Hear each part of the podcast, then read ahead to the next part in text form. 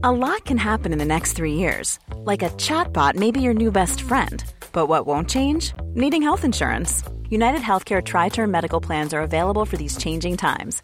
Underwritten by Golden Rule Insurance Company, they offer budget friendly, flexible coverage for people who are in between jobs or missed open enrollment. The plans last nearly three years in some states, with access to a nationwide network of doctors and hospitals. So, for whatever tomorrow brings, United Healthcare Tri Term Medical Plans may be for you. Learn more at uh1.com. Many of us have those stubborn pounds that seem impossible to lose, no matter how good we eat or how hard we work out. My solution is PlushCare. PlushCare is a leading telehealth provider with doctors who are there for you day and night to partner with you in your weight loss journey. They can prescribe FDA-approved weight loss medications like Wagovi and Zepbound for those who qualify. Plus, they accept most insurance plans. To get started, visit plushcare.com slash weight loss. That's plushcare.com slash weight loss.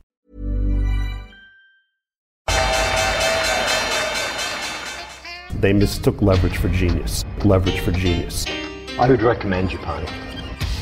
The governments don't rule the world. Goldman Sachs rules the world.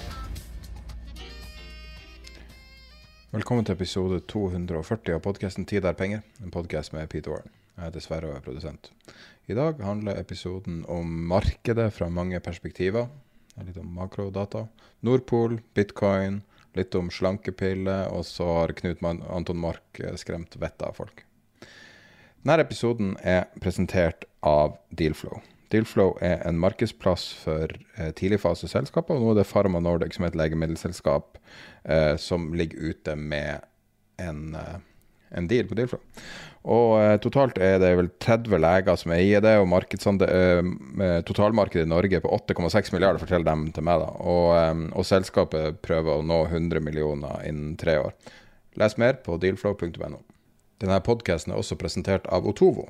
Otovo er et solcelleselskap som har putta veldig mange solceller på norske tak. Og gjennom 2023 ja, det er det. 2023. Gjennom 2023 har prisen på solceller falt dramatisk, så det er blitt veldig mye billigere. Og som du kanskje har fulgt med deg, strømmen er veldig dyr. Fungerer også godt på vinteren, overraskende nok. Det er det deres undersøkelser viser. Eh, du får nå 5% billigere hvis du går inn på otovo.no. otovo.no. Denne episoden er også presentert av Fixrate. Fixrate er et selskap som hjelper bedrifter å få best mulig innskuddsrente på pengene de har i banken. Veldig veldig viktig, og det er veldig viktig avkastning mange går glipp av. Høyeste rente akkurat nå 5,09% Les mer på fixrate.no.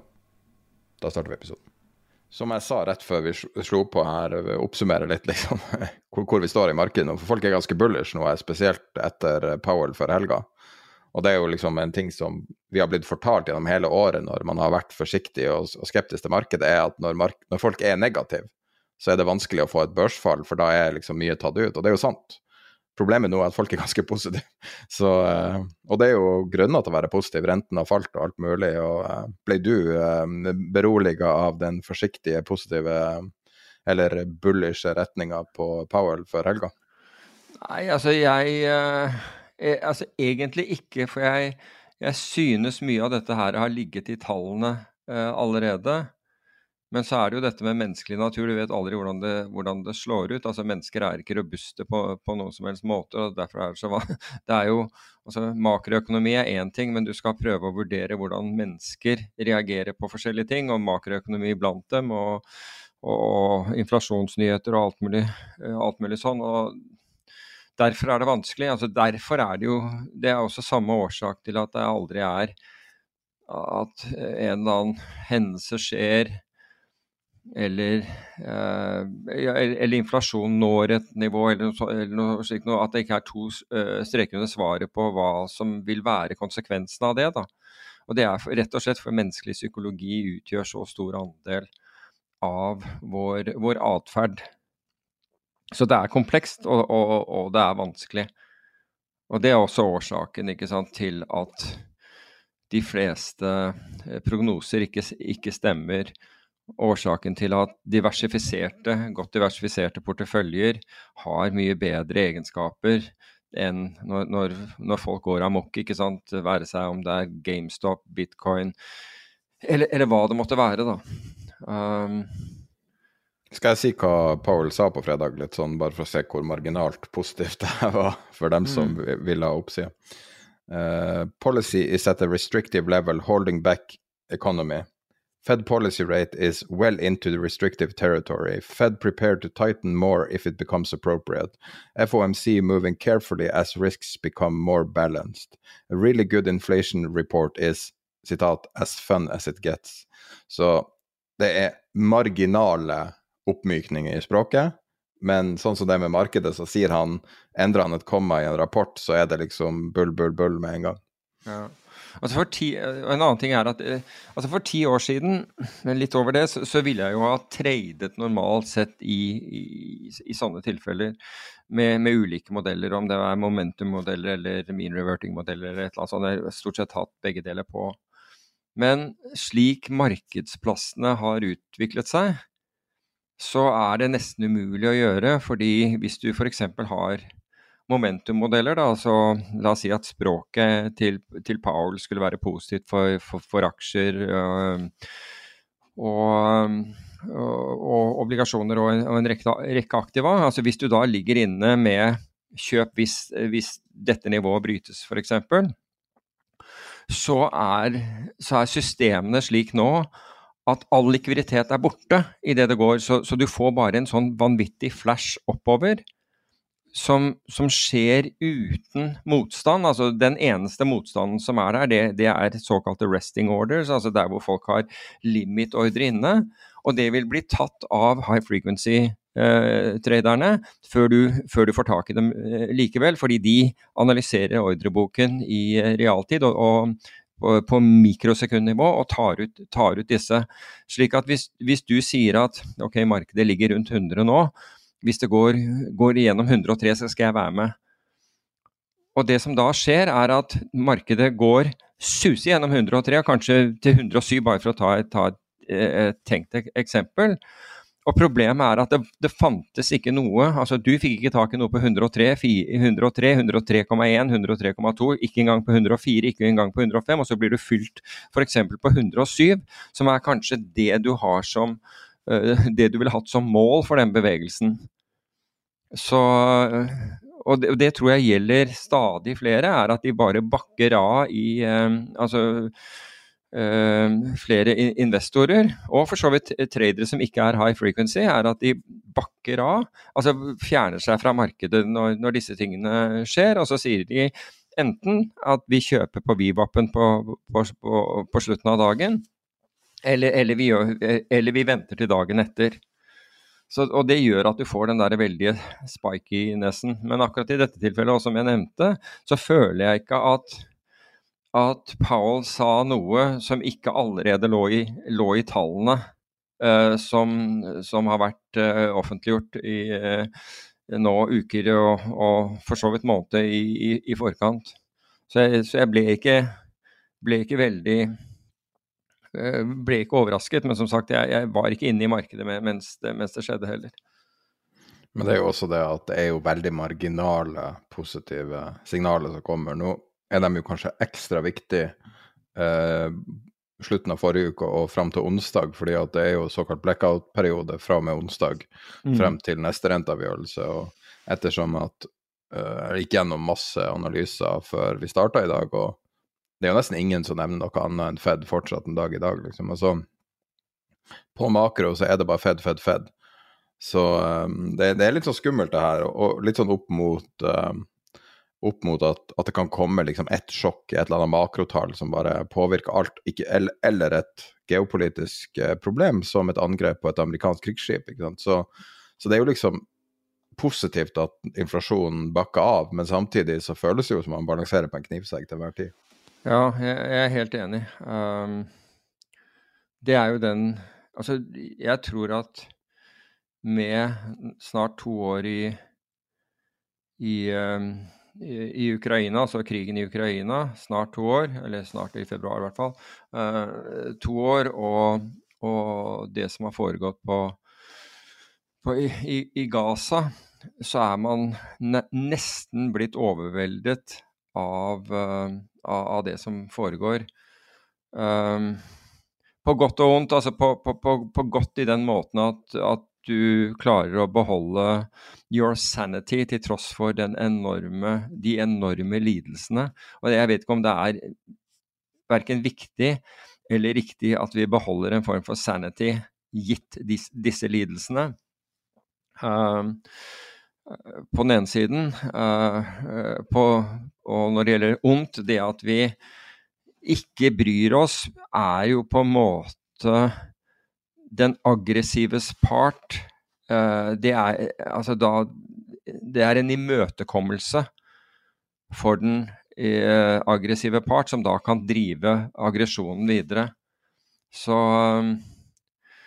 det er Altså, jeg kunne si mye om, om begge, begge disse, disse, tilfellene, men jeg vet ikke om vi skal ta geopolitikk i, i, i denne. Uh, vi trenger kanskje ikke å ta det i, i dette tilfellet, men Kan du få en reaksjon fra deg? Uh, det er jo underspilt, altså et amerikansk krigsskip angrepet. Er jo nesten så alvorlig som det blir.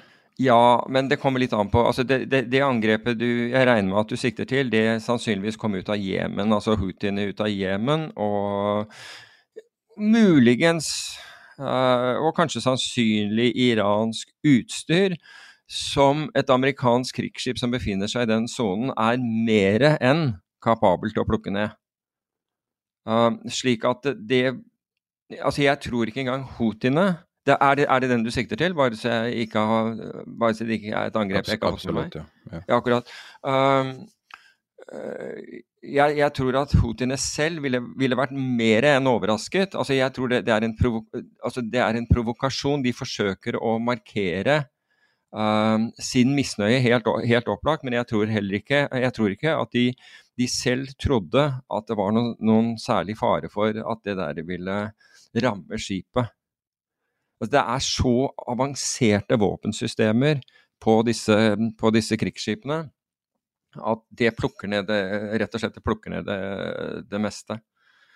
Så, nei, så det er det egentlig jeg, jeg, mener om det. Og, men, og det folk glemmer altså jeg, det, det, var en som fortalte meg uh, forleden at, uh, at, det var flere norske analytikere da, da dette begynte i uh, da dette dro i gang, i, altså Hamas-angrepet på Israel og, og, og reaksjonen, at uh, nå ville iranerne Nå kom Iran til å stenge Hormuzstredet, og det ville ha en enorm bullish virkning for, for, for, for tankrater. Som er amerikansk altså hangarskip og altså battle groups i nærheten, så stenger ikke altså så, er, så har ikke Iran kapasiteten på noen som helst måte til å stenge Hormuz. Er ikke det sånn at USA kontrollerer alle verdens hav de facto inntil Kina har bygd en 200-300 krigsskip til, og det har vært den store styrken med å ha USA?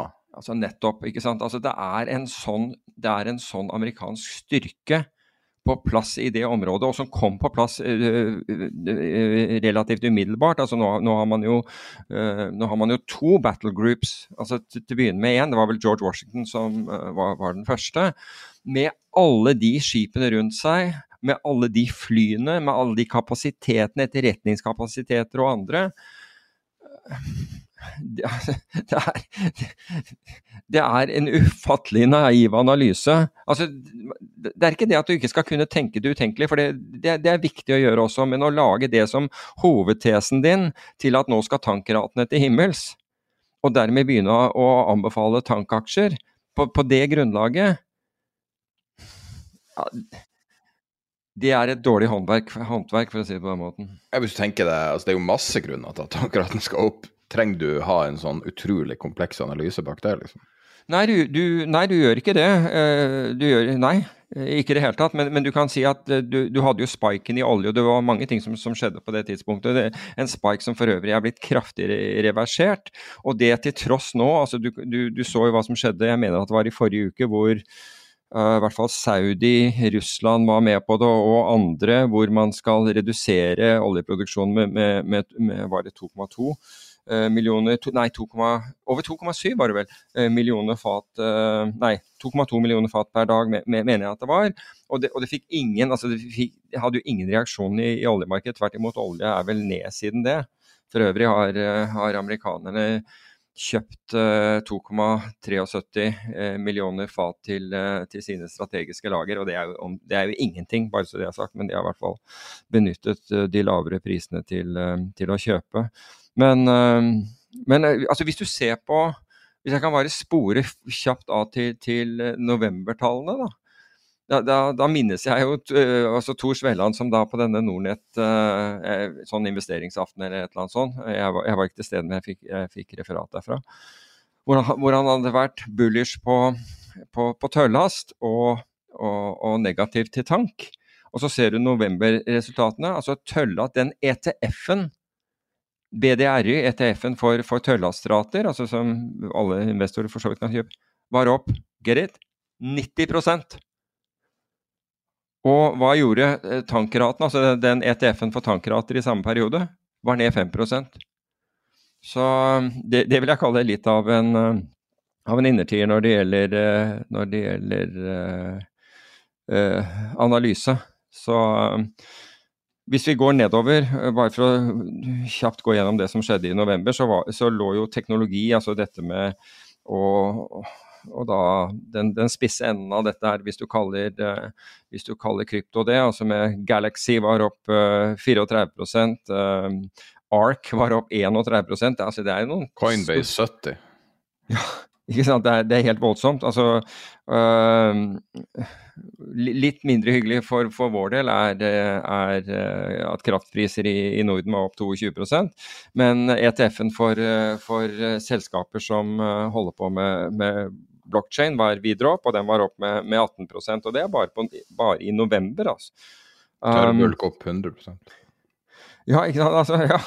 Men, mens ETF-en var opp 90 så det er, det er, ganske voldsomt. Nasdaq var opp 12,5% MSCI World var opp 9% Oslo Børs var opp 1,8 Men eh, kanskje viktigst av alt, alt der, syns jeg, og det er at amerikanske statsobligasjoner, altså TLT, denne her med 20 år som vi stadig driver og refererer til, var opp 8,6 i november. Altså dette er de kjedelige statsobligasjonene, det som ingen skal eie. Gud forby. Altså, du hører folk sier at det er, det er altså, ingen altså, Det er altfor kjedelig å eie, eie statsobligasjoner. Altså, det slo da Oslo Børs med mer enn firegangeren. det, dette er statsobligasjoner. Og, og obligasjoner, så statsobligasjoner da, hadde sin amerikanske, og det er de vi har snakket om, da, spesielt da, da, de touchet 5 eh, over hele linja. Best, de hadde beste måneden sin siden 1985. Og hva var mest shortet på forhånd? Jo, nemlig de. Så, og det, dette har vi påpekt et, et antall ganger i, i podkasten, og det, det, er jo akkurat så, sånn det er. Altså, og som du innledningsvis sa, at når alle er negative, så kan det ikke falle lenger. Og her var rett og slett alle negative. Og så får du da denne, en vanvittig rekyl um, uh, som følge av det. Og det som folk da hadde, har gått vekk fra, nemlig 60-40-porteføljen, fordi obligasjonene ga ikke noe. Nei, de gjorde jo ikke det når, da, da, renten var på, på, på null. Uh, mens den nå den hadde sin beste måned på 30 år. 7,3% opp på en, på en diversifisert portefølje. Men problemet er at ingen har den der altså hvis du, ingen har den, den, den delen altså av den så, så, som, som, gikk best, dessverre. lenger. Når jeg sier ingen, så har internasjonale investorer har det, men det er jo ikke noe du hører veldig mye omtalt uh, her. På nedsiden da, Kan jeg bare si noe om TLT før du går videre? Ja, det kan du godt. Det er greit å ha i bakhodet at den er halvert fra toppen eh, Absolutt. 2021. Absolutt. Og, og, uh, og på det tidspunktet Og det, det var jeg var på Uh, på, på, på, podkasten til Stavrum og Eikeland, og de lurte på hva man skulle gjøre. Dette var, vel slutten av 21 eller et eller annet sånt. Hva man skulle, eh, hva, hva man skulle satse på nå. Og da sa jeg short, short obligasjon, obligasjoner. For da var, da var rentene så lave som det. Så du har helt rett, de hadde kraftig fall. Men uh, i likhet med, med, med, Bill Ackman, som hadde som jeg må si, hadde, Han hadde jo perfekt timing, i hvert fall når han, uh, når han snudde. Altså når han gikk fra, fra short. vel shorten sin, ja, ikke det, tror jeg. Jo, han closa shorten sin, og så så jeg at i hvert fall på et par uker siden eller noe sånt, så, så, så hadde han tro på, på å, være long, og tro på at USA kom til å redusere renten raskere enn det som lå i, det som lå i kurven. Så han, hans timing der var, var, utrolig, var utrolig bra. Men greia er jo at du er å være agnostisk. ikke sant? Det er ikke noe sånn at du skal sitte og være altså, og Dette snakket vi veldig mye om. Det var hvorfor eie statsobligasjoner når de hadde negativ og, eller, eller nullrente? Altså, hva, hva, hva, var det du håpet å få ut av det? altså, du i, uh, hadde i negativ rente, så betalte du til uh, betalte du en eller annen nasjon, eller, eller i tilfeller selskaper, du betalte dem for at de skulle låne pengene dine. Altså, at ingen setter seg opp i stolen og sier høres det, høres det smart ut? De aller fleste ville si nei, det er ikke smart. Så, så det er ikke sånn Altså, ting blir underpriset og overpriset. Men det er klart at når de er overpriset, da er alle overbevist om at dette her bare skal fortsette. Når de, er underpriset, så er de også overbevist om at det bare skal fortsette, bare at da til, til nedsiden. Det er, det er sånn det er. Uh, negative ting i, altså ting som falt i, i, um, i, forrige måned, var naturgass. Både i, uh, i, USA og i Storbritannia. I USA falt det 22% i Storbritannia 13% i Europa 12% Så gass er blitt billigere. Strøm er blitt dyrere. Så um, i fjor så brukte man jo det at gassen steg som argument for at, for at strømmen steg, men nå har man, har man gått fra den, tydeligvis. Kan jeg si det apropos der, eh, eh, litt sånn ref debattklima i Norge. Det er veldig mye mm. snakk om at Norge har gitt noen subsidier til fattige land i det siste. Og hvis man klager på det, så er det jo greit å, å tenke på at Norge hadde ekstraordinære inntekter på 2000 milliarder i ett år pga. høye gasspriser. Mm. Og eh, de ekstraordinære, ekstraordinære eh, pengene tilsvarer omtrent ett års inntekter. Så én milliard er ikke så veldig mye satt opp mot det. Nei. Men det er jo Altså det at man har 600 000 eller noe sånt i donasjon til Eller i, i, i subsidier til en um, mattjeneste eller noe sånt, det er jo et valg. Det betyr ikke at man har to Norge har uendelig med penger, og i hvert fall akkurat nå. Så det er jo prioriteringssaker hele veien fra A til Å, ikke sant. Jeg skjønner ikke hvorfor Norge, at Hvis Norge har så mye penger, hvorfor skal man da sette skattene opp ytterligere? Det gir, gir ingen mening, men glem den biten. Men eh, debatten tok jo opp dette her, og da ble jo eh, regjeringen eh, kalt krigsprofitører av, av MDG. Um, som er ganske inter... Altså, det er så historieløst når du tenker på at Norge tilbød Europa gass på fastkontrakter. Og det var forut for, eh, for krigen i Ukraina. Og Europa var ikke interessert i å gjøre det. De, de var ikke interessert i å kjøpe, uh, kjøpe gass på fastpriskontrakter. Og så kom man da etter at dette har skjedd, og at prisene har gått opp, og europeerne er da nødt til å kjøpe gass til til markedspriser, hvilket er akkurat det som europeerne ba om. Og så kritiserer man Norge for å være krigsprofitør. Altså, hva skulle du ha gjort da? Jeg mener, skulle du, hva, hva, skulle du ha gjort? Skulle du ha fylt opp, fylt opp LNG-skip altså og, og, lagt dem utenfor kysten av, av, av, Tyskland i tilfelle eh, de, de fikk behov for gass? Altså, gir, sånt gir absolutt ingen mening. Altså, Europa hadde muligheten sa den fra seg. Og de sa den fra seg fordi de hadde en annen eh, økonomisk forventning, en, og tydeligvis ikke en, en, en, eh, en, sikkerhetspolitisk utfordring. fordi var de, de Altså, jeg tror at russerne landet vel i Kiev, Kiev før uh, Europa, i hvert fall Tyskland og Frankrike, innså at, uh, at, uh, at krigen var i gang. Så den Altså, krigsprofitør, nei. Den, den, den, føles så ufattelig urimelig.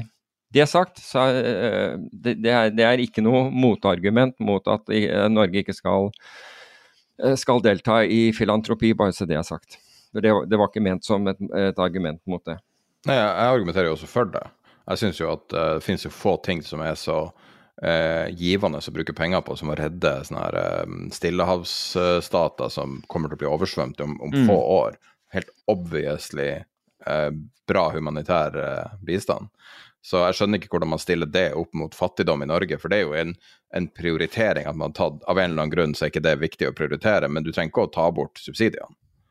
For Norge har salta ned uendelig med penger i utlandet som ligger der som død kapital som man kun tjener utbytte på. Kunne jo helt fint ha gjort masse ting som har masse produktive ting her og nå. Man mm. kunne ha investert i helt crazy miljøteknologier, og man kunne ha, ha hatt, hatt 50 eller 100 ting som gikk galt, med den ene store tingen går bra. Men så er det jo det at pga. den der batterifabrikken som har vært nå, så kommer jo sikkert alt til å stoppe. fordi at nå er jo altså subsidiene i front of mind på veldig mange. ikke sant? Så uh, det jeg personlig skulle ønske å se bare at man testa på alt mulig som var å teste. fordi at det virker jo nå som ting virkelig brenner. Ja. Altså, se på været, liksom. Det er jo bare helt crazy hver eneste dag en eller annen plass.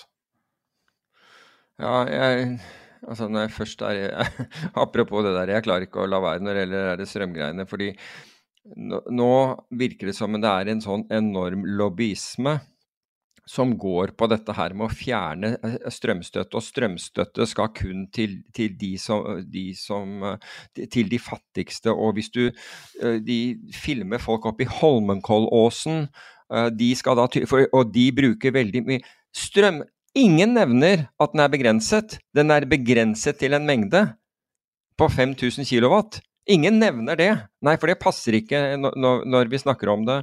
Og det at man har gjort en politisk bommert som gjør at vi har de høyeste strømprisene Altså, vi har ikke høyere enn i fjor, gudskjelov, foreløpig.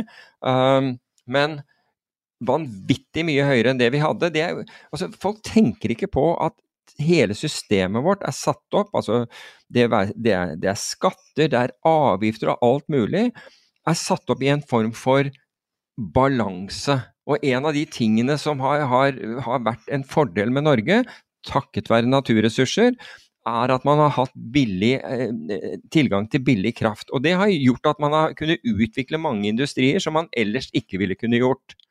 Og så begår man en politisk feil som gjør at dette her vipper helt den gærne veien. Og da Staten tjener voldsomt på det. Dvs. Si at hva er effekten? Jo, det er at staten tar enda mer, fordi det betyr jo at hvis vi alle må betale mer strøm, som vi allerede gjør i dag, selv med den strømstøtten, og selv med strømstøtten, så går staten med et enormt overskudd på strøm. Et enormt overskudd er, er der allerede. Men konsekvensen av det er at staten tar stadig mer av pengene dine.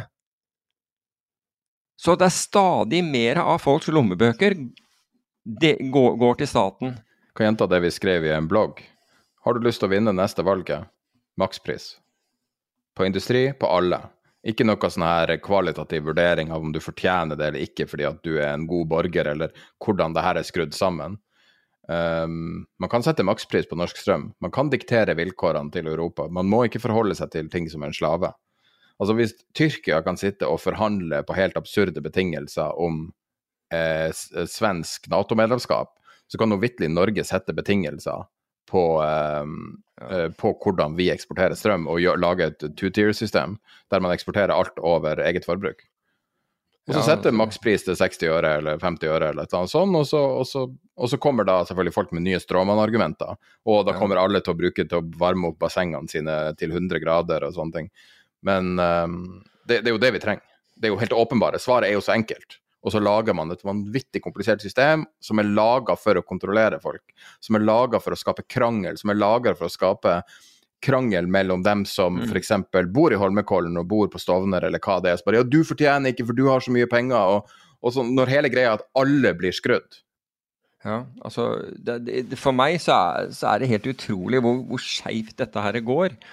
Og når, når, du har et makstak, og, og jeg må ærlig innrømme altså jeg, jeg kuttet jeg, jeg, jeg kuttet uh, forbruket i fjor med, med 20% Og var kaldt. Har, og du fors og forsøker å etterleve det, det, det, så godt som mulig. Nå har jeg, hatt, nå har jeg, nå har jeg ikke hatt varmt vann på kjøkkenet på, på, på to dager fordi det, det, rør er frosset. Og du må liksom ned på det nivået for at du ikke skal liksom få strømregningen fra, fra, fra helvete. Og så, og så, snakker man om at nei, her, det her, det her skal Altså, hvor, hvor kaldt skal folk ha da? Det lurer jeg på. Altså, hva er, liksom, hva er, hva er, hva, hvilken, hva er den ideelle temperaturen? Jeg tror at Hvis du spør noen hva er den ideelle temperaturen i, i huset, så tror jeg jeg føler jeg er ganske sikker på at det er godt under det, for, for, for, for å si det på den måten. Men, uh, men, dette gjelder jo altså Tenk deg alle de som har dårlig råd. Altså pensjonister. Og du, du tenker ikke på at pensjonister altså Tenk pensjonist på Elverum eller noe sånt, hvor det er bælekaldt. Ikke sant? I et, i et hus som, som, kanskje er 50 år gammelt. Hva, hva, lever de på? Ett rom? Det er jo ikke tale om Altså, jeg, jeg, jeg fatter ikke at, at, man lar det gå så gærent av sted at, uh, at det derre ender i liksom sånn i, For medisinske utfall i beste fall. Det, liksom, det, det, gir meg ingen og, og, mens While I'm on a roll Siste var det morgennyhetene kom med i dag. Altså vi, vi, alle blir manet til moderasjon, ikke bruke penger. Og gud forby, nå kommer et lønnsoppgjør, her må vi vise moderasjon. Hva er det de gjør med bom, bompengeavgiften? Hever de den tilsvarende inflasjonen? Nei. 13,5% skal den opp. Så det er én regel for, liksom, for kommune og stat, og så skal be, befolkningen de skal, de, nei, de skal moderere seg. Altså, og, og, da kommer det sikkert en sånn inflasjonsprognose like før lønnsoppgjøret den, på, på 1,4% eller noe sånt weird. Altså På et eller annet tidspunkt så kommer folk til å bli så dritt misfornøyd. Altså jeg sier, vet du hva, Det har aldri stemt vi, vi, Det er ingen troverdighet hos, hos, regjeringen når det gjelder å, å, å forutsi inflasjon. Dere kan, dere kan slutte å å skyve skylden over, over på byråkrater i, eh, i, Finansdepartementet. Vi ønsker å, å, bli kompensert for denne merkostnaden. Bang, 8% eller noe sånt, noe lønnsoppgjør eller noe helt sykt noe. Det er liksom den det, det, er vi, det er der vi er på vei. Jeg bare fatter ikke. Men, ja, men det er eh, virkelig skummelt. Altså, det er mange, mange som har opplevd dyp fattigdom nå fordi man har fulgt den, eh, den anbefalinga om å gå maksimalt inn i eiendom, gjerne av ungene sine inn i eiendom, belå, belånt, altså belåning av belåning.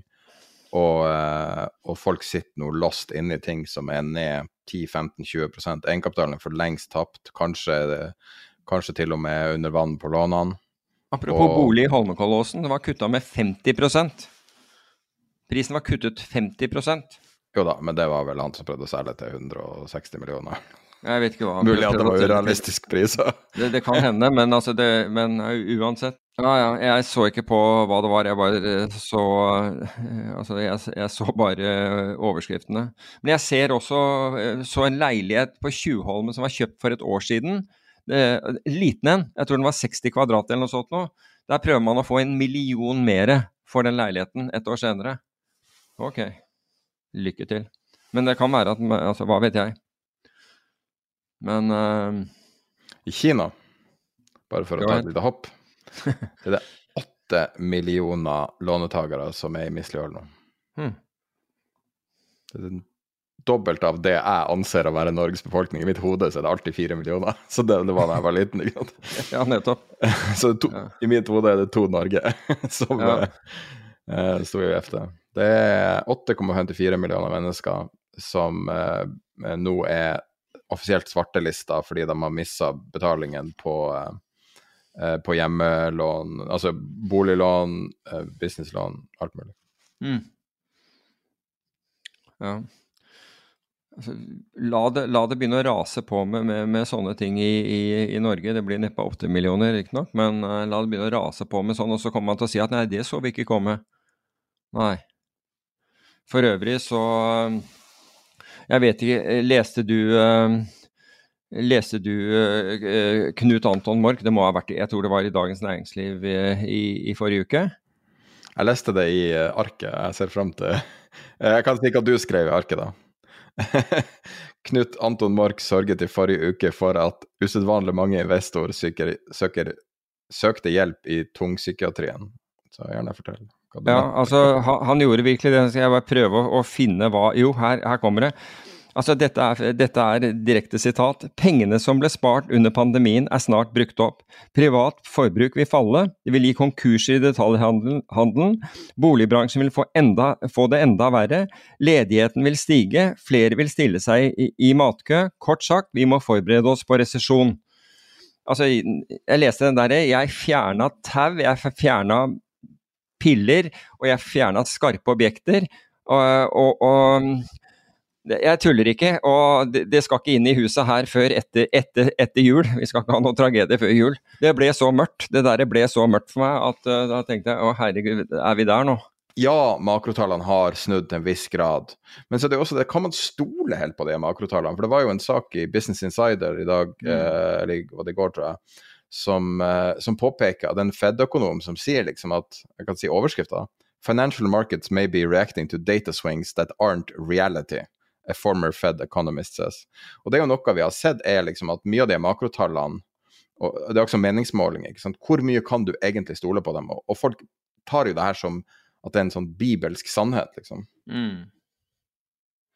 Og igjen så er, jo, altså det, så er det jo hvordan vi reagerer på dem som, uh, som er det viktige. Men uh, jeg vet ikke. Jeg, jeg, tror at hvordan det ser ut i januar blir viktig, fordi nå har du den julebordsesongen, og, og restaurantene er fulle, og, og, ære være dem for det og hele greia. Og det er lange køer utenfor uh, liksom de, de, de, populære utestedene.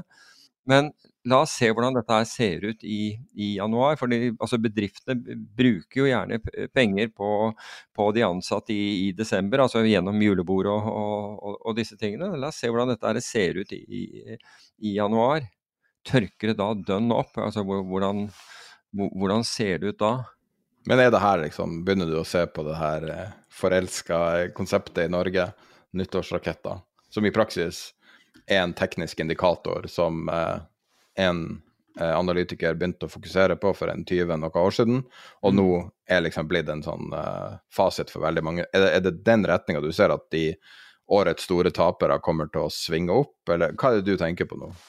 Nei, jeg, jeg, ser ikke på det. Altså, I og med at jeg har uh, tradet mye mer makro enn en mikro. Det kan godt hende at det der, at det der virker. Og det er, jo, det er, jo, helt riktig som en, del av grunnlaget for, for disse nyttår, uh, nyttårsrakettene er, er at folk ønsker å realisere tap. Uh, slik at de, uh, og, og, da selger ned kanskje litt mer brutalt enn ellers i selskaper som, som de har tapt penger i, for, for å kunne realisere disse tak, uh, tapene. Og det er godt mulig at de samme eller andre, rett og slett fordi disse blir i hvert fall midlertidig underpriset, eh, da, da spretter tilbake igjen i, eh, i, januar. Godt mulig. altså det er ikke noe som, som, som jeg bruker noe, no, noe, særlig tid på, men, men, det betyr ikke at det ikke er attraktivt for de som, for de som følger det. Men altså, i, i den tiden jeg var i bransjen, så, så vet jeg hvordan, hvordan, disse nyttårsrakettene ble lekket, de, altså ble lekket fra meglerhus til de gode kundene. Så du fikk det derre før de andre, og så en dag eller to etterpå, så, så kom de i avisen, og så ikke sant, altså det er vel ikke så vanskelig å se hvem som er største taper? Nei, nei du kan sikkert bare du, altså Det er godt mulig at du kan regne deg frem til uh, mye av dette. det er, det er ikke noe det er, It's not the black arts, uh, dette her. Så, så, så, det kan man, man, godt gjøre. Men jeg, jeg har ikke brukt tid på det. Men det, det, er godt mulig at det er verdt å bruke tid på det. Det er ikke det, er ikke jeg sier. Det er godt mulig bare for at jeg har fokus et annet sted, betyr ingenting. Det, det er bare jeg håper å si, hvordan jeg ser på verden, eller hva jeg, hva jeg ser etter. Så det er, det er, ikke noe Det er ingen, ingen forkleinelse for det. Altså det er jo Apropos det, så, så, har jeg sett to rapporter fra utenlandske investeringsbanker uh, i løpet av de, ja, de siste to-tre ukene om nettopp om gull og sølv, uh, som da pleier å rallye før, uh, før årsskiftet.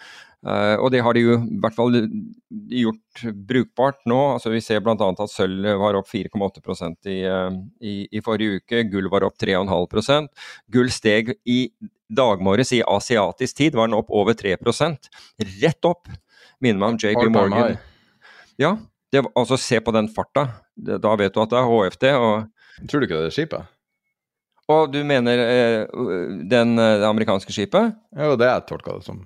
Ja, det, det, vet jeg ikke, for jeg så ikke tidspunktet når, når det der var. Men uh, jeg trodde Det kan godt hende at det var det som drev det. Og så var det en veldig sånn JP Morgan-like flash oppover der, altså. Det, det må jeg si. Snakker om det der greia fortsatt. Ja, men de er der. De er tilbake igjen. De er det verste av alt. De, de, de, fikk jo de, Hva var det, de fikk 1,8 milliarder i bot eller noe sånt, så de var ute av det der markedet. Men nå forteller HFT-aktører meg at de er they're back in business. Så um, fjerde toppen på ident, omtrent identisk nivå nå. Det er ganske uvanlig, uh, uvanlig chart her. Hva det betyr mm. sånn chartmessig, for det er jo Om det er noe på jorda som er et psykologisk drevet verdipapir, så er det vel gull. Ja, altså, altså du, men du har da eh, disse vanligvis flight to safety-tingene. da, altså det, det, det, er jo Bitcoin, Bitcoin Jesuses mener ikke å være blasfemisk nå. De hevder jo at det er også en sånn der uh, flight to safety uh, asset. Men alle disse tingene poppet ikke sant, samtidig. Men jeg vil jo hevde at jeg tror bitcoin har ganske lav korrelasjon med, med, med, med det andre, og at det er mer sånn tilfeldig og drevet av andre ting, men meg om det. Men flight to safety, hvis man kan virkelig si flight to safety 2023, må det vel være dollaren fortsatt? I 2023? Ja, da var det jo Ja, jeg er enig i det. Nå, altså. Altså når men, man skal se, altså jeg tenker på, Før var det jo sveitserfrangen, det var japanske yen, det var gull, mindre grad sølv. Altså det var ting som var eh, sikre havner, høy eh, omsetning og og man går der liksom, det var, det, det var, på en måte ei gruppe, men det er nå vel litt mm. mer differensiert nå? Det? Det er litt mer differensiert nå på, nettopp pga. Av, av, av renten. Men det er, det er, ganske interessant å se, fordi jeg har sett mange sånne massevis av anbefalinger gjort. Blant annet um, eh, hvis du tror at eiendomsmarkedet har Nei, unnskyld, rentemarkedet har snudd, kjøp, eiendom, eh, altså kjøp eiendomsaksjer, utbomba eiendomsaksjer. Kan godt hende at det er en, en god idé. Men min greie da er, og som den, som den allerede var uh, for, for, over en måned siden, var, var, å kjøpe statsobligasjoner. Altså, jeg trengte ikke å kjøpe andre derivater, jeg kunne bare gå og kjøpe altså, jeg kunne kjøpe jeg, jeg kunne kjøpe obligasjonene. altså når, når, når, det går Ikke det at jeg visste at det der skulle gå 8,5 i, eh, i, eh, i, i, november, men jeg, jeg, i det minste fikk jeg ret, retningen riktig. Så, så, er det ganske brukbart. Jeg trengte, å, jeg trengte, ikke å, gå og analysere og prøve å fi, finne frem til eiendomsselskaper som, som f.eks. ikke st står i fare for å få nedgradering fra investment grade til, til, til high yield. Jeg snakket med en, en finansmann i, i, i, forrige uke, eh, siden eh, Jeg skal ikke nevne navn siden jeg ikke, siden jeg, jeg ikke sa at jeg kunne, kunne finne på å, å, å, sitere han, hadde ikke tenkt det akkurat før vi snakker nå.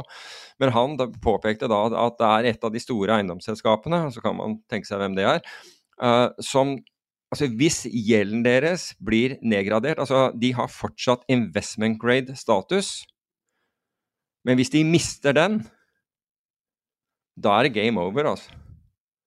Da er, da er det over, rett og slett. Og så er det hvor ærlige tror vi at rating agencies er nå?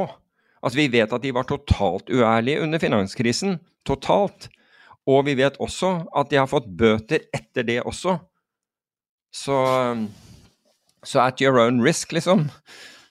Og, de, og tilbake til akkurat det, det jeg snakket om. Det, det, er, det, er, den type risiko som Ja, jeg, ja, jeg kunne f.eks. gått inn og kjøpt eiendomsaksjer eller aksjer i, i, i, i nevnte, da, eller obligasjoner i nevnte, eller noe, eller noe sånt noe, i, tro på at renten uh, At uh, vi har sett rentetoppen, eller enten er, omtrent er på den, eller, eller ja, er på den nå, eller at vi maks har en kvarting igjen.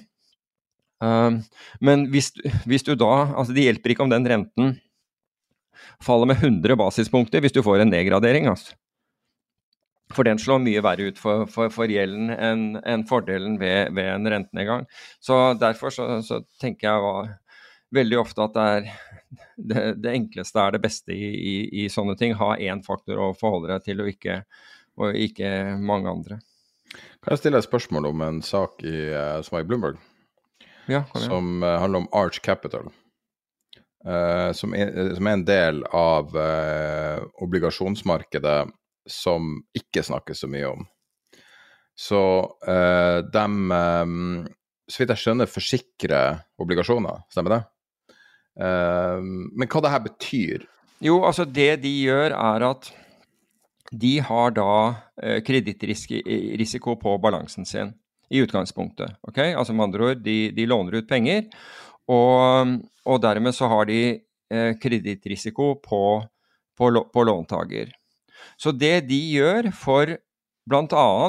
Eller egentlig først og fremst, for det, det, er det det har med å gjøre her. Først og fremst for å få redusert sin egen, egen kapitaldekningskrav, er at de overfører denne risikoen, altså med andre ord, de, de, lager obligasjoner selv, hvor de putter en del av denne risikoen og selger ut til investorer. Som investor så får du anledning da til å, å, å, å delta i Altså får du rett og slett en, en obligasjon. Altså dette, dette er en uh, altså rett og slett en insurance-linked bond. Den er ikke ulik en, en, en CDS. Det er bare at den er litt lettere for folk å forstå. Altså en credit default swap, men, men, den er litt lettere for folk å forstå, fordi du har nå en obligasjon som, som betaler deg ut da denne premien um, uh, så lenge alt går bra. Men hva er det som kan Altså, hva, hva, er det som kan få obligasjonen til å bli vesentlig mindre verdt? Jo, det er hvis uh, låntakerne uh, som, som, som, jeg nevnte, altså i utgangspunktet går i default, altså ikke klarer å betale gjelden sin. Dermed så har denne, altså har Art, Art overført risikoen, en del av risikoen, fra sin balanse til andre investorer. Og da kan de kalle tilbake gjeld, ikke sant? Ja og nei. Da ble det til Ja, vent, vent. Fordi disse obligasjonene, og det er derfor obligasjoner krever, krever at man leser prospektene på dem ordentlig. Slike obligasjoner har da muligheter til tilbake Altså at du kan calle dem, altså rett og slett innløse dem. altså Nå er det utstederen, nå er det Arts vi snakker om. Har da muligheten til å innløse disse på visse tidspunkter. Og vanligvis så har ikke det vært gjort, fordi man ønsker å opprettholde dette markedet, og disse obligasjonene tradet fordi eh, default-risikoen var falt i forhold til hva den var da, da, man, da man, gikk inn, så, hadde, så tradet disse obligasjonene til en høy over par. 106. Ok, 106. Så de, altså par er 100, de, de tradet på 106. Det som var tidligere, altså det som har vært vanlig, er at de som har da utstedt disse obligasjonene, når de skulle, øh, når de skulle kvitte seg med disse, da, disse obligasjonene, rett og slett kjøpte dem tilbake i markedet. Men så på grunn av Og her, her dette, dette, er veldig uvanlig at de gjør. Uh, I dette tilfellet så, så, følger de teksten på, uh, på lånedokumentet, som gir de anledning til å kjøpe den tilbake til par på visse tidspunkter. Og så går de på så det tidspunktet kommer, og så kjøper de dem tilbake til par. Altså med andre ord, den tradet 106 i markedet, og så kommer de inn og kjøper den tilbake til 100. Et ganske betydelig tap i obligasjonsmarkedet. Absolutt, for de som sitter på de obligasjonene. Det er bang, så er, så er 6% borte. Den 6 %-premien i året er borte. Og det er Du kan si hvorfor Altså, ved å gjøre dette, så, så kan du si at de destruerer sin mulighet til å utstede slike obligasjoner i tiden fremover, for folk sier du, takk skal du ha, jeg så hva du gjorde med meg forrige gang, jeg er ikke interessert i de obligasjonene. Så hvorfor gjør Art dette her? Jo, de gjør det fordi, kapital, fordi man har endret kapitaldekningsreglene, og man fikk ikke så mye offset. Altså man fikk, man fikk ikke redusert kapitaldekningen så mye lenger på, på, slike obligasjoner, slik at det var ikke så Det, det er ikke eh, Det er ikke lønnsomt for dem å gjøre det på denne måten. Og derfor så f-er de investorene sine.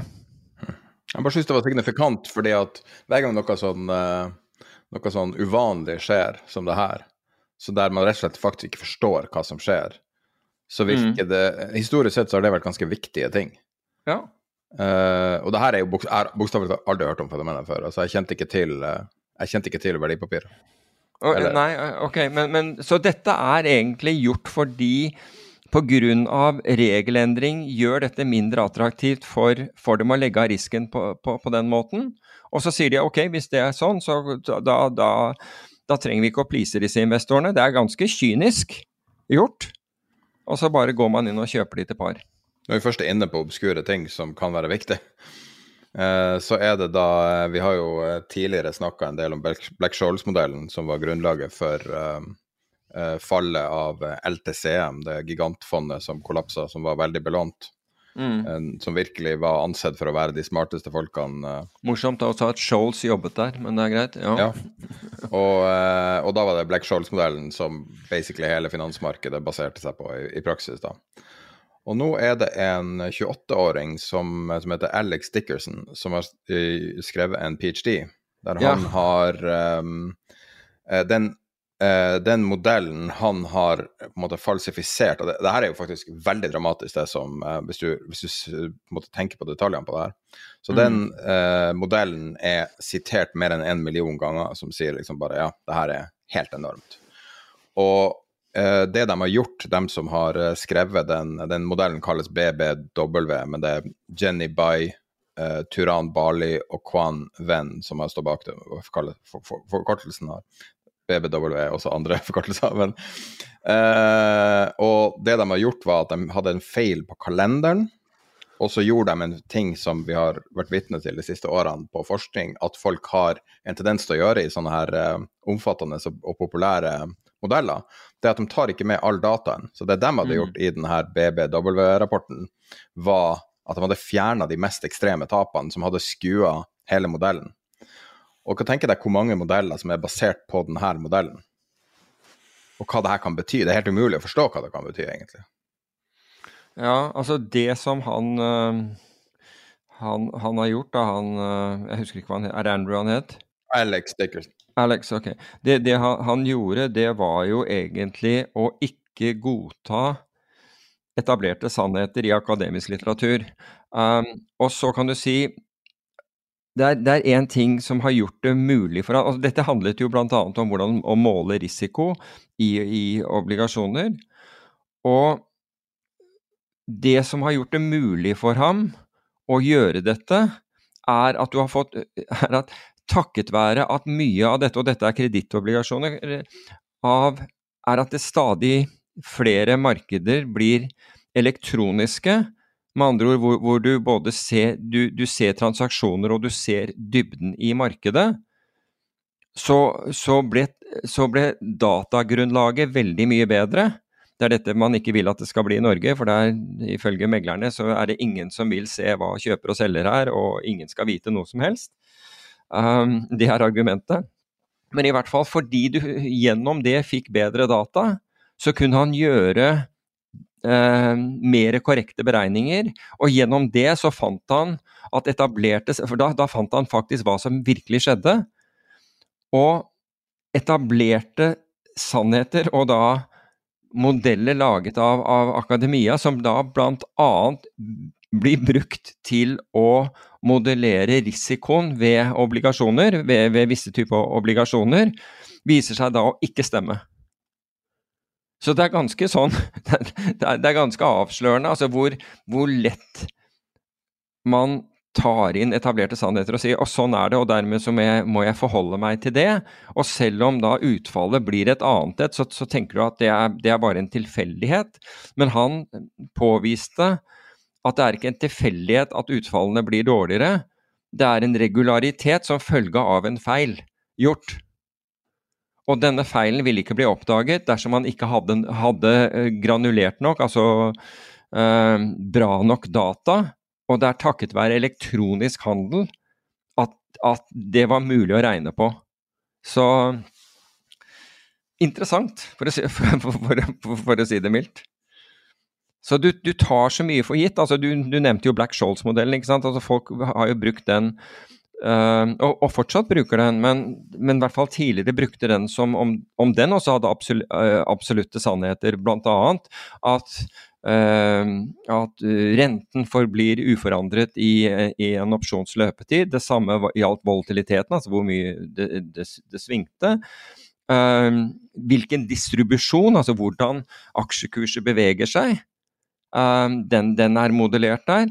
Uh, I Black Scholes så, så, forutsetter det at du kan handle 24 timer i døgnet 365 uh, eh, dager i, i, året, og at det er nok likviditet på alle kurser. Slik at du, du, det er aldri noe problem å, å, å, sikre seg. Alle de tingene som vi vet at ikke eksisterer, men som folk brått våknet opp til eh, konsekvensen av i 1987. Og så da senere under Eh, i 98, da Long Term Capital eh, gikk over ende. Fordi den store feilen, altså den enda større feilen, eller jeg var for så vidt inne på den, eh, men feilen i 87 og den utløsende faktoren i 87 og den utløsende faktoren i 1998, da LTC, LTCM gikk over ende, var at man ikke hadde modellert likviditet. At man, for, at man tok en forutsetning om at det fantes tonnevis Altså, det var uendelig med likviditet i markedet. Så disse, den modellen tok ikke da hensyn til at det kunne komme situasjoner i markedet hvor det ikke var likviditet i det hele tatt, f.eks. Altså hvor rett og slett det tørket ut, altså store bevegelser fikk folk til å trekke seg osv. Den, den sa at det var lik likviditet uansett hva som skjedde. Mildt sagt ganske naivt. Ja. Ganske naivt. No Nobelpris.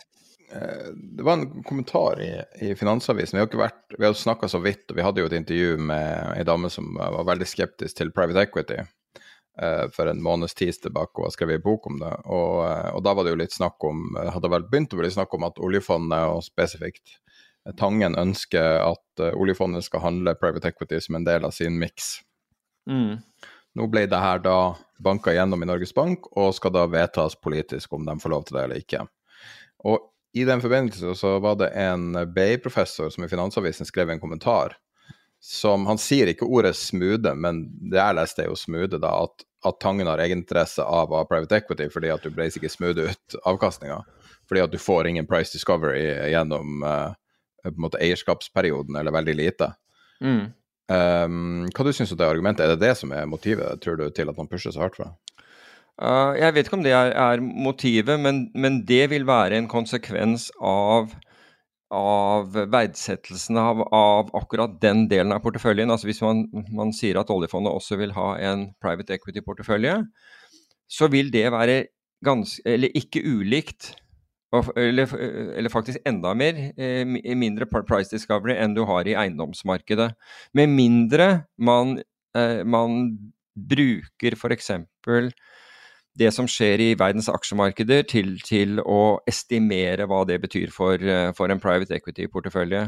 Men her, her ligger jo den kritikken som har blitt rettet mot private equity, nemlig at hvis du hensyntar risikoen altså I private equity så er det sånn at du, du plasserer pengene dine, og så får du vite om ti år, kanskje, um, om, om, det har gått bra eller ikke. Med mindre man er Eller du, du vet når de realiserer selskaper underveis, at liksom kanskje seks år senere, et, eller tre år senere så har et eller annet selskap doblet seg i verdi, og da er private equity veldig flink til å gå ut og si å, doblet seg i verdi, og så tror du det gjelder hele porteføljen, men det gjaldt jo bare én.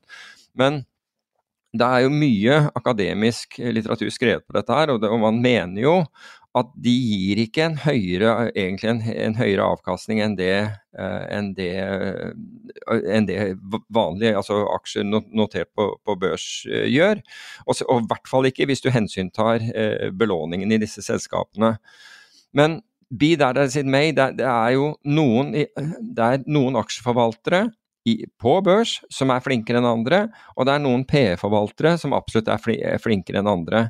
Men det, det, jeg ser dette som Altså, jeg Jeg vet jo at, at, at Tangen ser på denne, denne asset-klassen som interessant, men det jeg ser, er jo egentlig at dette er Altså, eh, nå ødela jo Vestre Argentum, ikke sant. Altså, der ble alle sagt opp og, fordi de ikke ville gå ned i lønn. Det er rart. Freyr kan holde på akkurat som de vil, men Argentum skulle ikke, der skulle de ikke tjene så godt.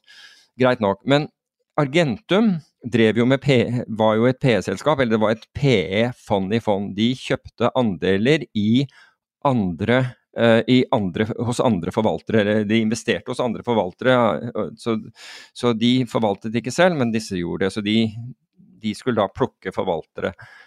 Og så destruerte jo da Vestre eh, eh, Argentum, rett og slett alle, alle, gikk derfra, sa takk for seg og startet eh, for seg selv isteden. Det, det gadd ikke. Og så har det vært snakk om, så var det snakk om om man skulle selge Argentum. Og jeg tenker, hva er det du da selger? Da, du måtte jo da i tilfelle selge det med statens eh, eh, investeringsmidler i selskapet, for ellers er det jo ikke noe interessant. fordi du har jo ikke, har jo ikke noen av forvalteren forvalterne der, der lenger. Og det er mulig der at Tangen har sett dette her som en mulighet at la oss bare gjøre en Argentum her. Argentum klarte dette her i brukbart. Vi har veldig smarte folk hos oss, og enda smartere nå, leste jeg, fordi hun uh, Therese Steen, som er da et geni innenfor private equity, og som har sittet i SMK og handlet private equity og investert i private equity-fond så det spruta etter, med en fantastisk avkastning. Hun har akkurat meldt overgang til Norges Bank, så det er jo har perfekte folk der. Men det kan hende at det han ser for seg, er å lage en Argentum. Eller det er jo egentlig det han har sett for seg, fordi han sier at de skal plassere i andre PE-fond. Men hvordan de skal klare det de har jo en sånn maksgrense hva forvaltere Det er helt sånn merkelig. Så uansett hvor mye forvalteren tjener for deg, så, så er det tak på hva forvalteren kan tjene. Dette er et sosialdemokratiske Norge. Altså Staten kan dra inn så mye de vil på, på, på, på å gjøre brøler i, i, i strømmarkedet, men, eh, men, eh, men, en forvalter som, som, tjener vanvittig med penger for, for, norske, for den norske stat, han skal da ha, eller de skal da ha en begrenset en honorar som er begrenset. Det, Jeg ser ikke for meg at du kommer til BlackRock eller en av disse her, eller Blackstone eller hvem det måtte være, og sier at du, vi skal inn her, men vi gidder ikke å betale så jævlig mye for det. Uh, jeg tror den blir litt vanskelig. Men det, man, men det jeg tror er at kanskje at Tangen har sett det der i mulighet. At vi Ok, Agentum gikk i, i, i dass. Hvorfor gjør ikke vi det samme? Vi, vi, lager dette er det samme. Hvordan dette skal være som en andel av aksjene altså I øyeblikket så er det vel Korriger meg hvis jeg, har, hvis jeg, tar feil, men det er vel sånn 70% aksjer, 30% eller det kan ikke være det fordi det er noe i eiendom også, så disse forholdene er ikke helt riktige. Men hvis du Ca. 70-30 da, mellom aksjer og obligasjoner. Så i, i så fall så må det jo vil jeg tro, gå av aksjeandelen til, um, til, til, oljefondet, slik at du reduserer den delen som er i indeksfond, med, med, tilsvarende av det du putter i, uh, i, i, private equity. Men vil det bety en smoothing? Ja, uh, ja per definisjon så, så, vil det jo være det. Men om den smoothingen er signifikant, det, er, det vil bli bestemt av hvor stor andel uh, hvis man får lov til å investere i PE, hvor stor andelen da øh, som, som tillates? Om, om, det skal ha noen øh, effekt på, på, på, smoothing. Jeg merker jo at argumentet nå er at øh, PE er så utbomba at nå må man kjøpe seg inn, men de prøvde jo ved to andre anledninger, 2019 og jeg husker ikke den andre datoen. Så um, det høres jo litt ut som man tilpasser argumentet til tida. Ja, det eh, Hvis man kjøpte seg inn i 2019, så tror jeg man hadde gått på en smell med de eh, Og det er jo tross alt andre sine penger man investerer her, og, og velger et uh, grått marked. Så jeg vet ikke, jeg, jeg, liker det personlig ikke.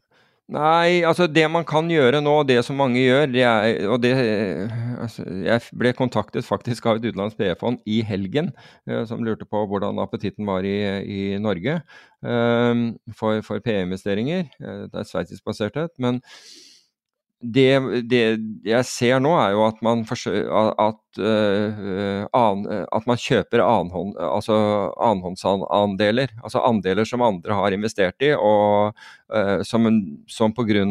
høyere rente og vanskeligere tider, de er villige til å selge med en betydelig rabatt. Så, og jeg, det, det, kan godt hende at det er det man at det er rett og slett det man sikter etter her. Det, det er jeg temmelig sikker på egentlig at det er. Så vi får se. Du hadde noe mer om Nordpol etter vi stakk om i forrige uke? Ja, altså etter at vi, vi snakket om den, den uh, saken med, med, med, prisene i Finland og det budet som ble sendt inn som da var 100 ganger større enn det skulle og medførte at, uh, at prisen falt til minus 500 euro per, uh, per, per megawatt i, i, Finland, så har jo DN skrevet to artikler. Men det, det var den siste, den siste, skrevet av, Bård Bjerkholt som kom inn på noe, noe uh, vesentlig. Og dette har jo egentlig eh, altså ikke bare, Dette har ikke bare med Nordpol å gjøre, men, men sånn generelt. Altså, vi har nevnt dette her tidligere. Og det er at du har kommersialisert markedsplassene. Altså man solgte Oslo Børs til Euronext og man, solgte, og, og man gjorde det samme med, med, Nordpol. og I 2019 så solgte man vel uh, var det 66 av, av, av Nordpol også til, til, Euronext.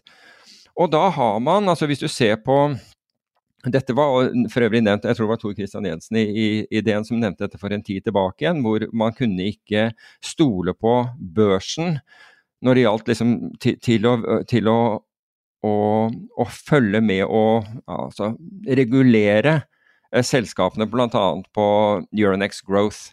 Fordi børsen hadde ren, rene eh, profittmessige interesser i å bare pushe ut så mange selskaper på, på, på, den. slik at det som en børs var tidligere, ikke sant? altså som de skulle sørge for a fair and orderly market, det er ikke der lenger. Det er ikke hovedmålsetningen. Nå er hovedmålsetningen profitt, selge data, få, få profitt. Og så og så står de der så, som, en sånn, eh, så, som en mann i midten, eller en sånn institusjon i midten. Men det er, det, fokuset er ikke lenger på fair and orderly market, så, sånn som det var. Og så nevner da Bjerkholt, det var et godt poeng, var at fordi, eh, slik jeg leste det, så ble den ordren som da, eh, som da ble lagt inn med, med dette altfor store beløpet, det ble da lagt inn ikke direkte via eh, Nordpols systemer, som betyr at noen må ha en interface inn der. Altså, det, ble, det, det havnet jo i Nordpols systemer eh, allikevel. Og det som da skjedde, var at ingen oppdaget at denne ordren var, uh, var, kjempestor. Og jeg har snakket med kraftaktører som forteller meg at det skal ikke mye til for at Nordpol ringer når, når du legger inn noe, for å være sikker på at det er riktig. Og dette er lenge før dette. Eh, skjedde. Så at man ikke skulle ha reagert på den, er nesten utrolig. Men hvor er det dette her har en implikasjon som ikke har blitt dekket? Jo, det er sikkerhetspolitisk. For hvis du husker i fjor, så var vi kjempebekymret altså, for mulig sabotasje mot de norske gassanleggene, eller altså gassen som da eh, Europa trengte så sårt. Dette her, altså Denne saken her har jo avdekket at det finnes et, et stort hull i kraftmarkedet. Og tenk deg om russiske hackere, som da antageligvis er noe dyktigere enn en fatfinger gjort av et, av et lite selskap på, på, på, på, Nordpol, går inn der og, og, og gjør noe tilsvarende. Altså, du kan lamme kraften i Norden, men du vil også kunne da lamme kraften som går da østover, altså f.eks. til Tyskland, på samme måte. Og det er jo en sårbarhet. Altså egentlig så skal man være takknemlig for at det er på denne måten, altså at det gjennom denne øh, finske fatfingeren, at den ble avdekket at, at et, et, sånt sikkerhetshull da, ble avdekket på, på, på en Altså, Det er ikke trivielt når noen taper en halv milliard eh, kroner, det, det, er jeg enig i, men du kan si at i forhold til geopolitiske og sikkerhetspolitiske konsekvenser ved at dette her ble brukt som, som et våpen, da, altså weaponizing eh, kraftforsyningen, så er det ekstremt viktig. Og det, det er merkelig på, på sett og vis at myndigheter, altså myndigheter, politi, forsvar, eh, NSM osv. har liksom hatt full fokus på gassikkerheten. Og har de da sovet i timene og ikke fulgt med i, i, i kraftmarkedet, lurer jeg på. Men jeg, jeg, tenker jo at alle har satt seg opp i stolen etter denne her. fordi etter, I hvert fall etter at uh, Bjerkholt skrev det med hva med, med hackere? Hva hvis du får hackere inn i dette systemet, er det sikkert nok? Så er det jo, så er det jo ganske interessant. Og det er klart at når, når du har for profit-børser, så er det jo, det jo profittmaksimeringen som det er fokus på, det skjønner jeg. Men, og, men, i dette tilfellet så har det kanskje gått på altså nå er jo dette, Nordpol har jo eksistert der lenge, og så jeg er helt sikker på at dette sikkerhetshullet har vært der like lenge. Men det virker som det nesten har vært en sånn blindness um, i forhold til det, da. Så det er aldri så galt at det ikke er godt for noe, eh, er jo et er uttrykk som heter. Og, og kanskje denne her kinetic energy-tapet uh, på, på, en halv milliard faktisk har, uh, bidrar til å, til å, redde oss fra, fra, noe langt, langt styggere. Og det er forutsatt at, forutsatt at man, man, får, og det vil jeg jo tro at man nå gjør, får full fokus på, på, på situasjonen eller på infrastrukturen som dette er. Det er jo kritisk infrastruktur vi snakker om. Skal vi runde av bare på litt om de her slankesprøyten og slankepillen? Ja. Ja, for det er, det, det er interessant. Og det, altså, du og jeg hadde jo møte med, med, noen leger i forrige uke og, om noe annet. Og, og, men da kom bl.a. dette her opp med, med disse eh, slankepiller, slankesprøyter. Jeg, ja, du kan navnet på disse. Jeg, jeg, jeg, kjenner ikke igjen navnet, men jeg vet at du kan dem. Så du kan kanskje forklare litt om hva, hva de gjør og hva de er? Ja, det er semaglutid som er virkestoffet, som er det vanligste. Da, um, når det brukes for diabetes, så er heter det Osempic. Mange kjenner det hele kategorien som Osempic. Hvis det er ei pille, så er det Rybelsus. Og så det navnet som det nå blir kjent for når det blir solgt for å gå ned i vekt, så er det Vegovi. Og så har du det andre som er et annet virkestoff, som er da tersepatid, som er Munjaro. Det her er pille eller medisin. Opp opprinnelig var det her ment for folk som hadde diabetes. Det kontrollerer blodsukkeret.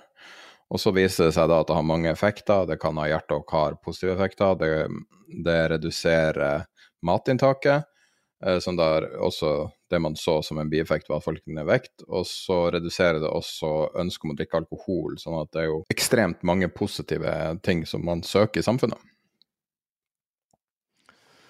Ja, men altså jeg, jeg, husker jo du var inne på dette her, og det, jeg husker ikke hvor lenge det Er det halvt år siden eller noe sånt nå? Du, du, du snakket om, om at, at det, det var super bullish. Jeg snakka om at det var den beste investeringstesen jeg hadde hørt. Og det var ikke noen investorer som hadde snakka om det, var noen som hadde begynt å snakke om Eli Lilly, um, som et selskap jeg hadde ingen forhold til før det. Og dem er jo produsent av en av de her. Og uh, jeg vet ikke om det var i august eller noe sånt, men er jo, den er jo en sterk aksje i år. Og, og uh, de tror jo at det her kan fortsette til himmels. Um, fordi at det er så populært. Det er jo anslått at det kan være så mye som 100 000 som bruker det i Norge allerede i dag. Oi, wow. Altså, hvor, hvorfor jeg Altså, jeg, jeg, hørte jo Altså, det var én ting som den ene legen sa som, som jeg grep fatt i, for jeg var ikke klar over at dette her var full, uh, altså rullet ut uh, på, på uh, det norske markedet ennå, men det, det, var det tydelig. Men, eller er det tydelig? Men én ting han sa, var, var at at det var et sånt dilemma, det kunne være et dilemma uh, ved å være lege, fordi uh, det var da folk som medisinsk hadde, hadde behov for dette her. Men når de, når de da tok dette, dette middelet, så nærmest så de det nesten også som en Jeg vil ikke si oppfordring, for det, er, det er, litt for, for sterkt, men de, da Men konsekvensen var at de da spiste mer junkfood og drakk liksom sukkerholdige drikker fordi nå trengte de ikke å gjøre noe annet. Altså nå, nå trengte de ikke å anstrenge seg for, for, uh, for, for å forsøke å holde, holde vekten i, i, sjakk. Og da skjønner jeg at det blir et sånt uh, medisinsk dilemma. Skal man liksom gi dette til, til, folk? Men så det var, var det negative. Men, men, ved en tilfeldighet så hørte jeg da på en, en Goldman, uh, Goldman Sachs uh, videokonferanse på, på, dette emnet. For de mener at dette her altså Du var den som, som sa til meg hvor svært dette her var. Jeg klarte ikke å, å, å på en måte omsette det nok i, nok i hodet. Men jeg hørte uh, han, han Goldman-analytikeren gå gjennom, gjennom uh, rasjonalet for altså, og De tenker jo hva betyr dette for bl.a. finansmarkedene, altså for, for, investeringer fremover. Så kan jeg si bare sånn i, i korte trekk. Altså de, de, snakket om primære, sekundære og tertiære betydninger. Den primære den dreier seg om, om helsen din. ikke sant? Folk kommer i, i, i, bedre helse, og konsekvensene ved at man får en bedre helse er, er sånn og sånn. Den, den sek sekundære og, og, og tertiære, det er hva betyr dette i endrede forbruksmønster?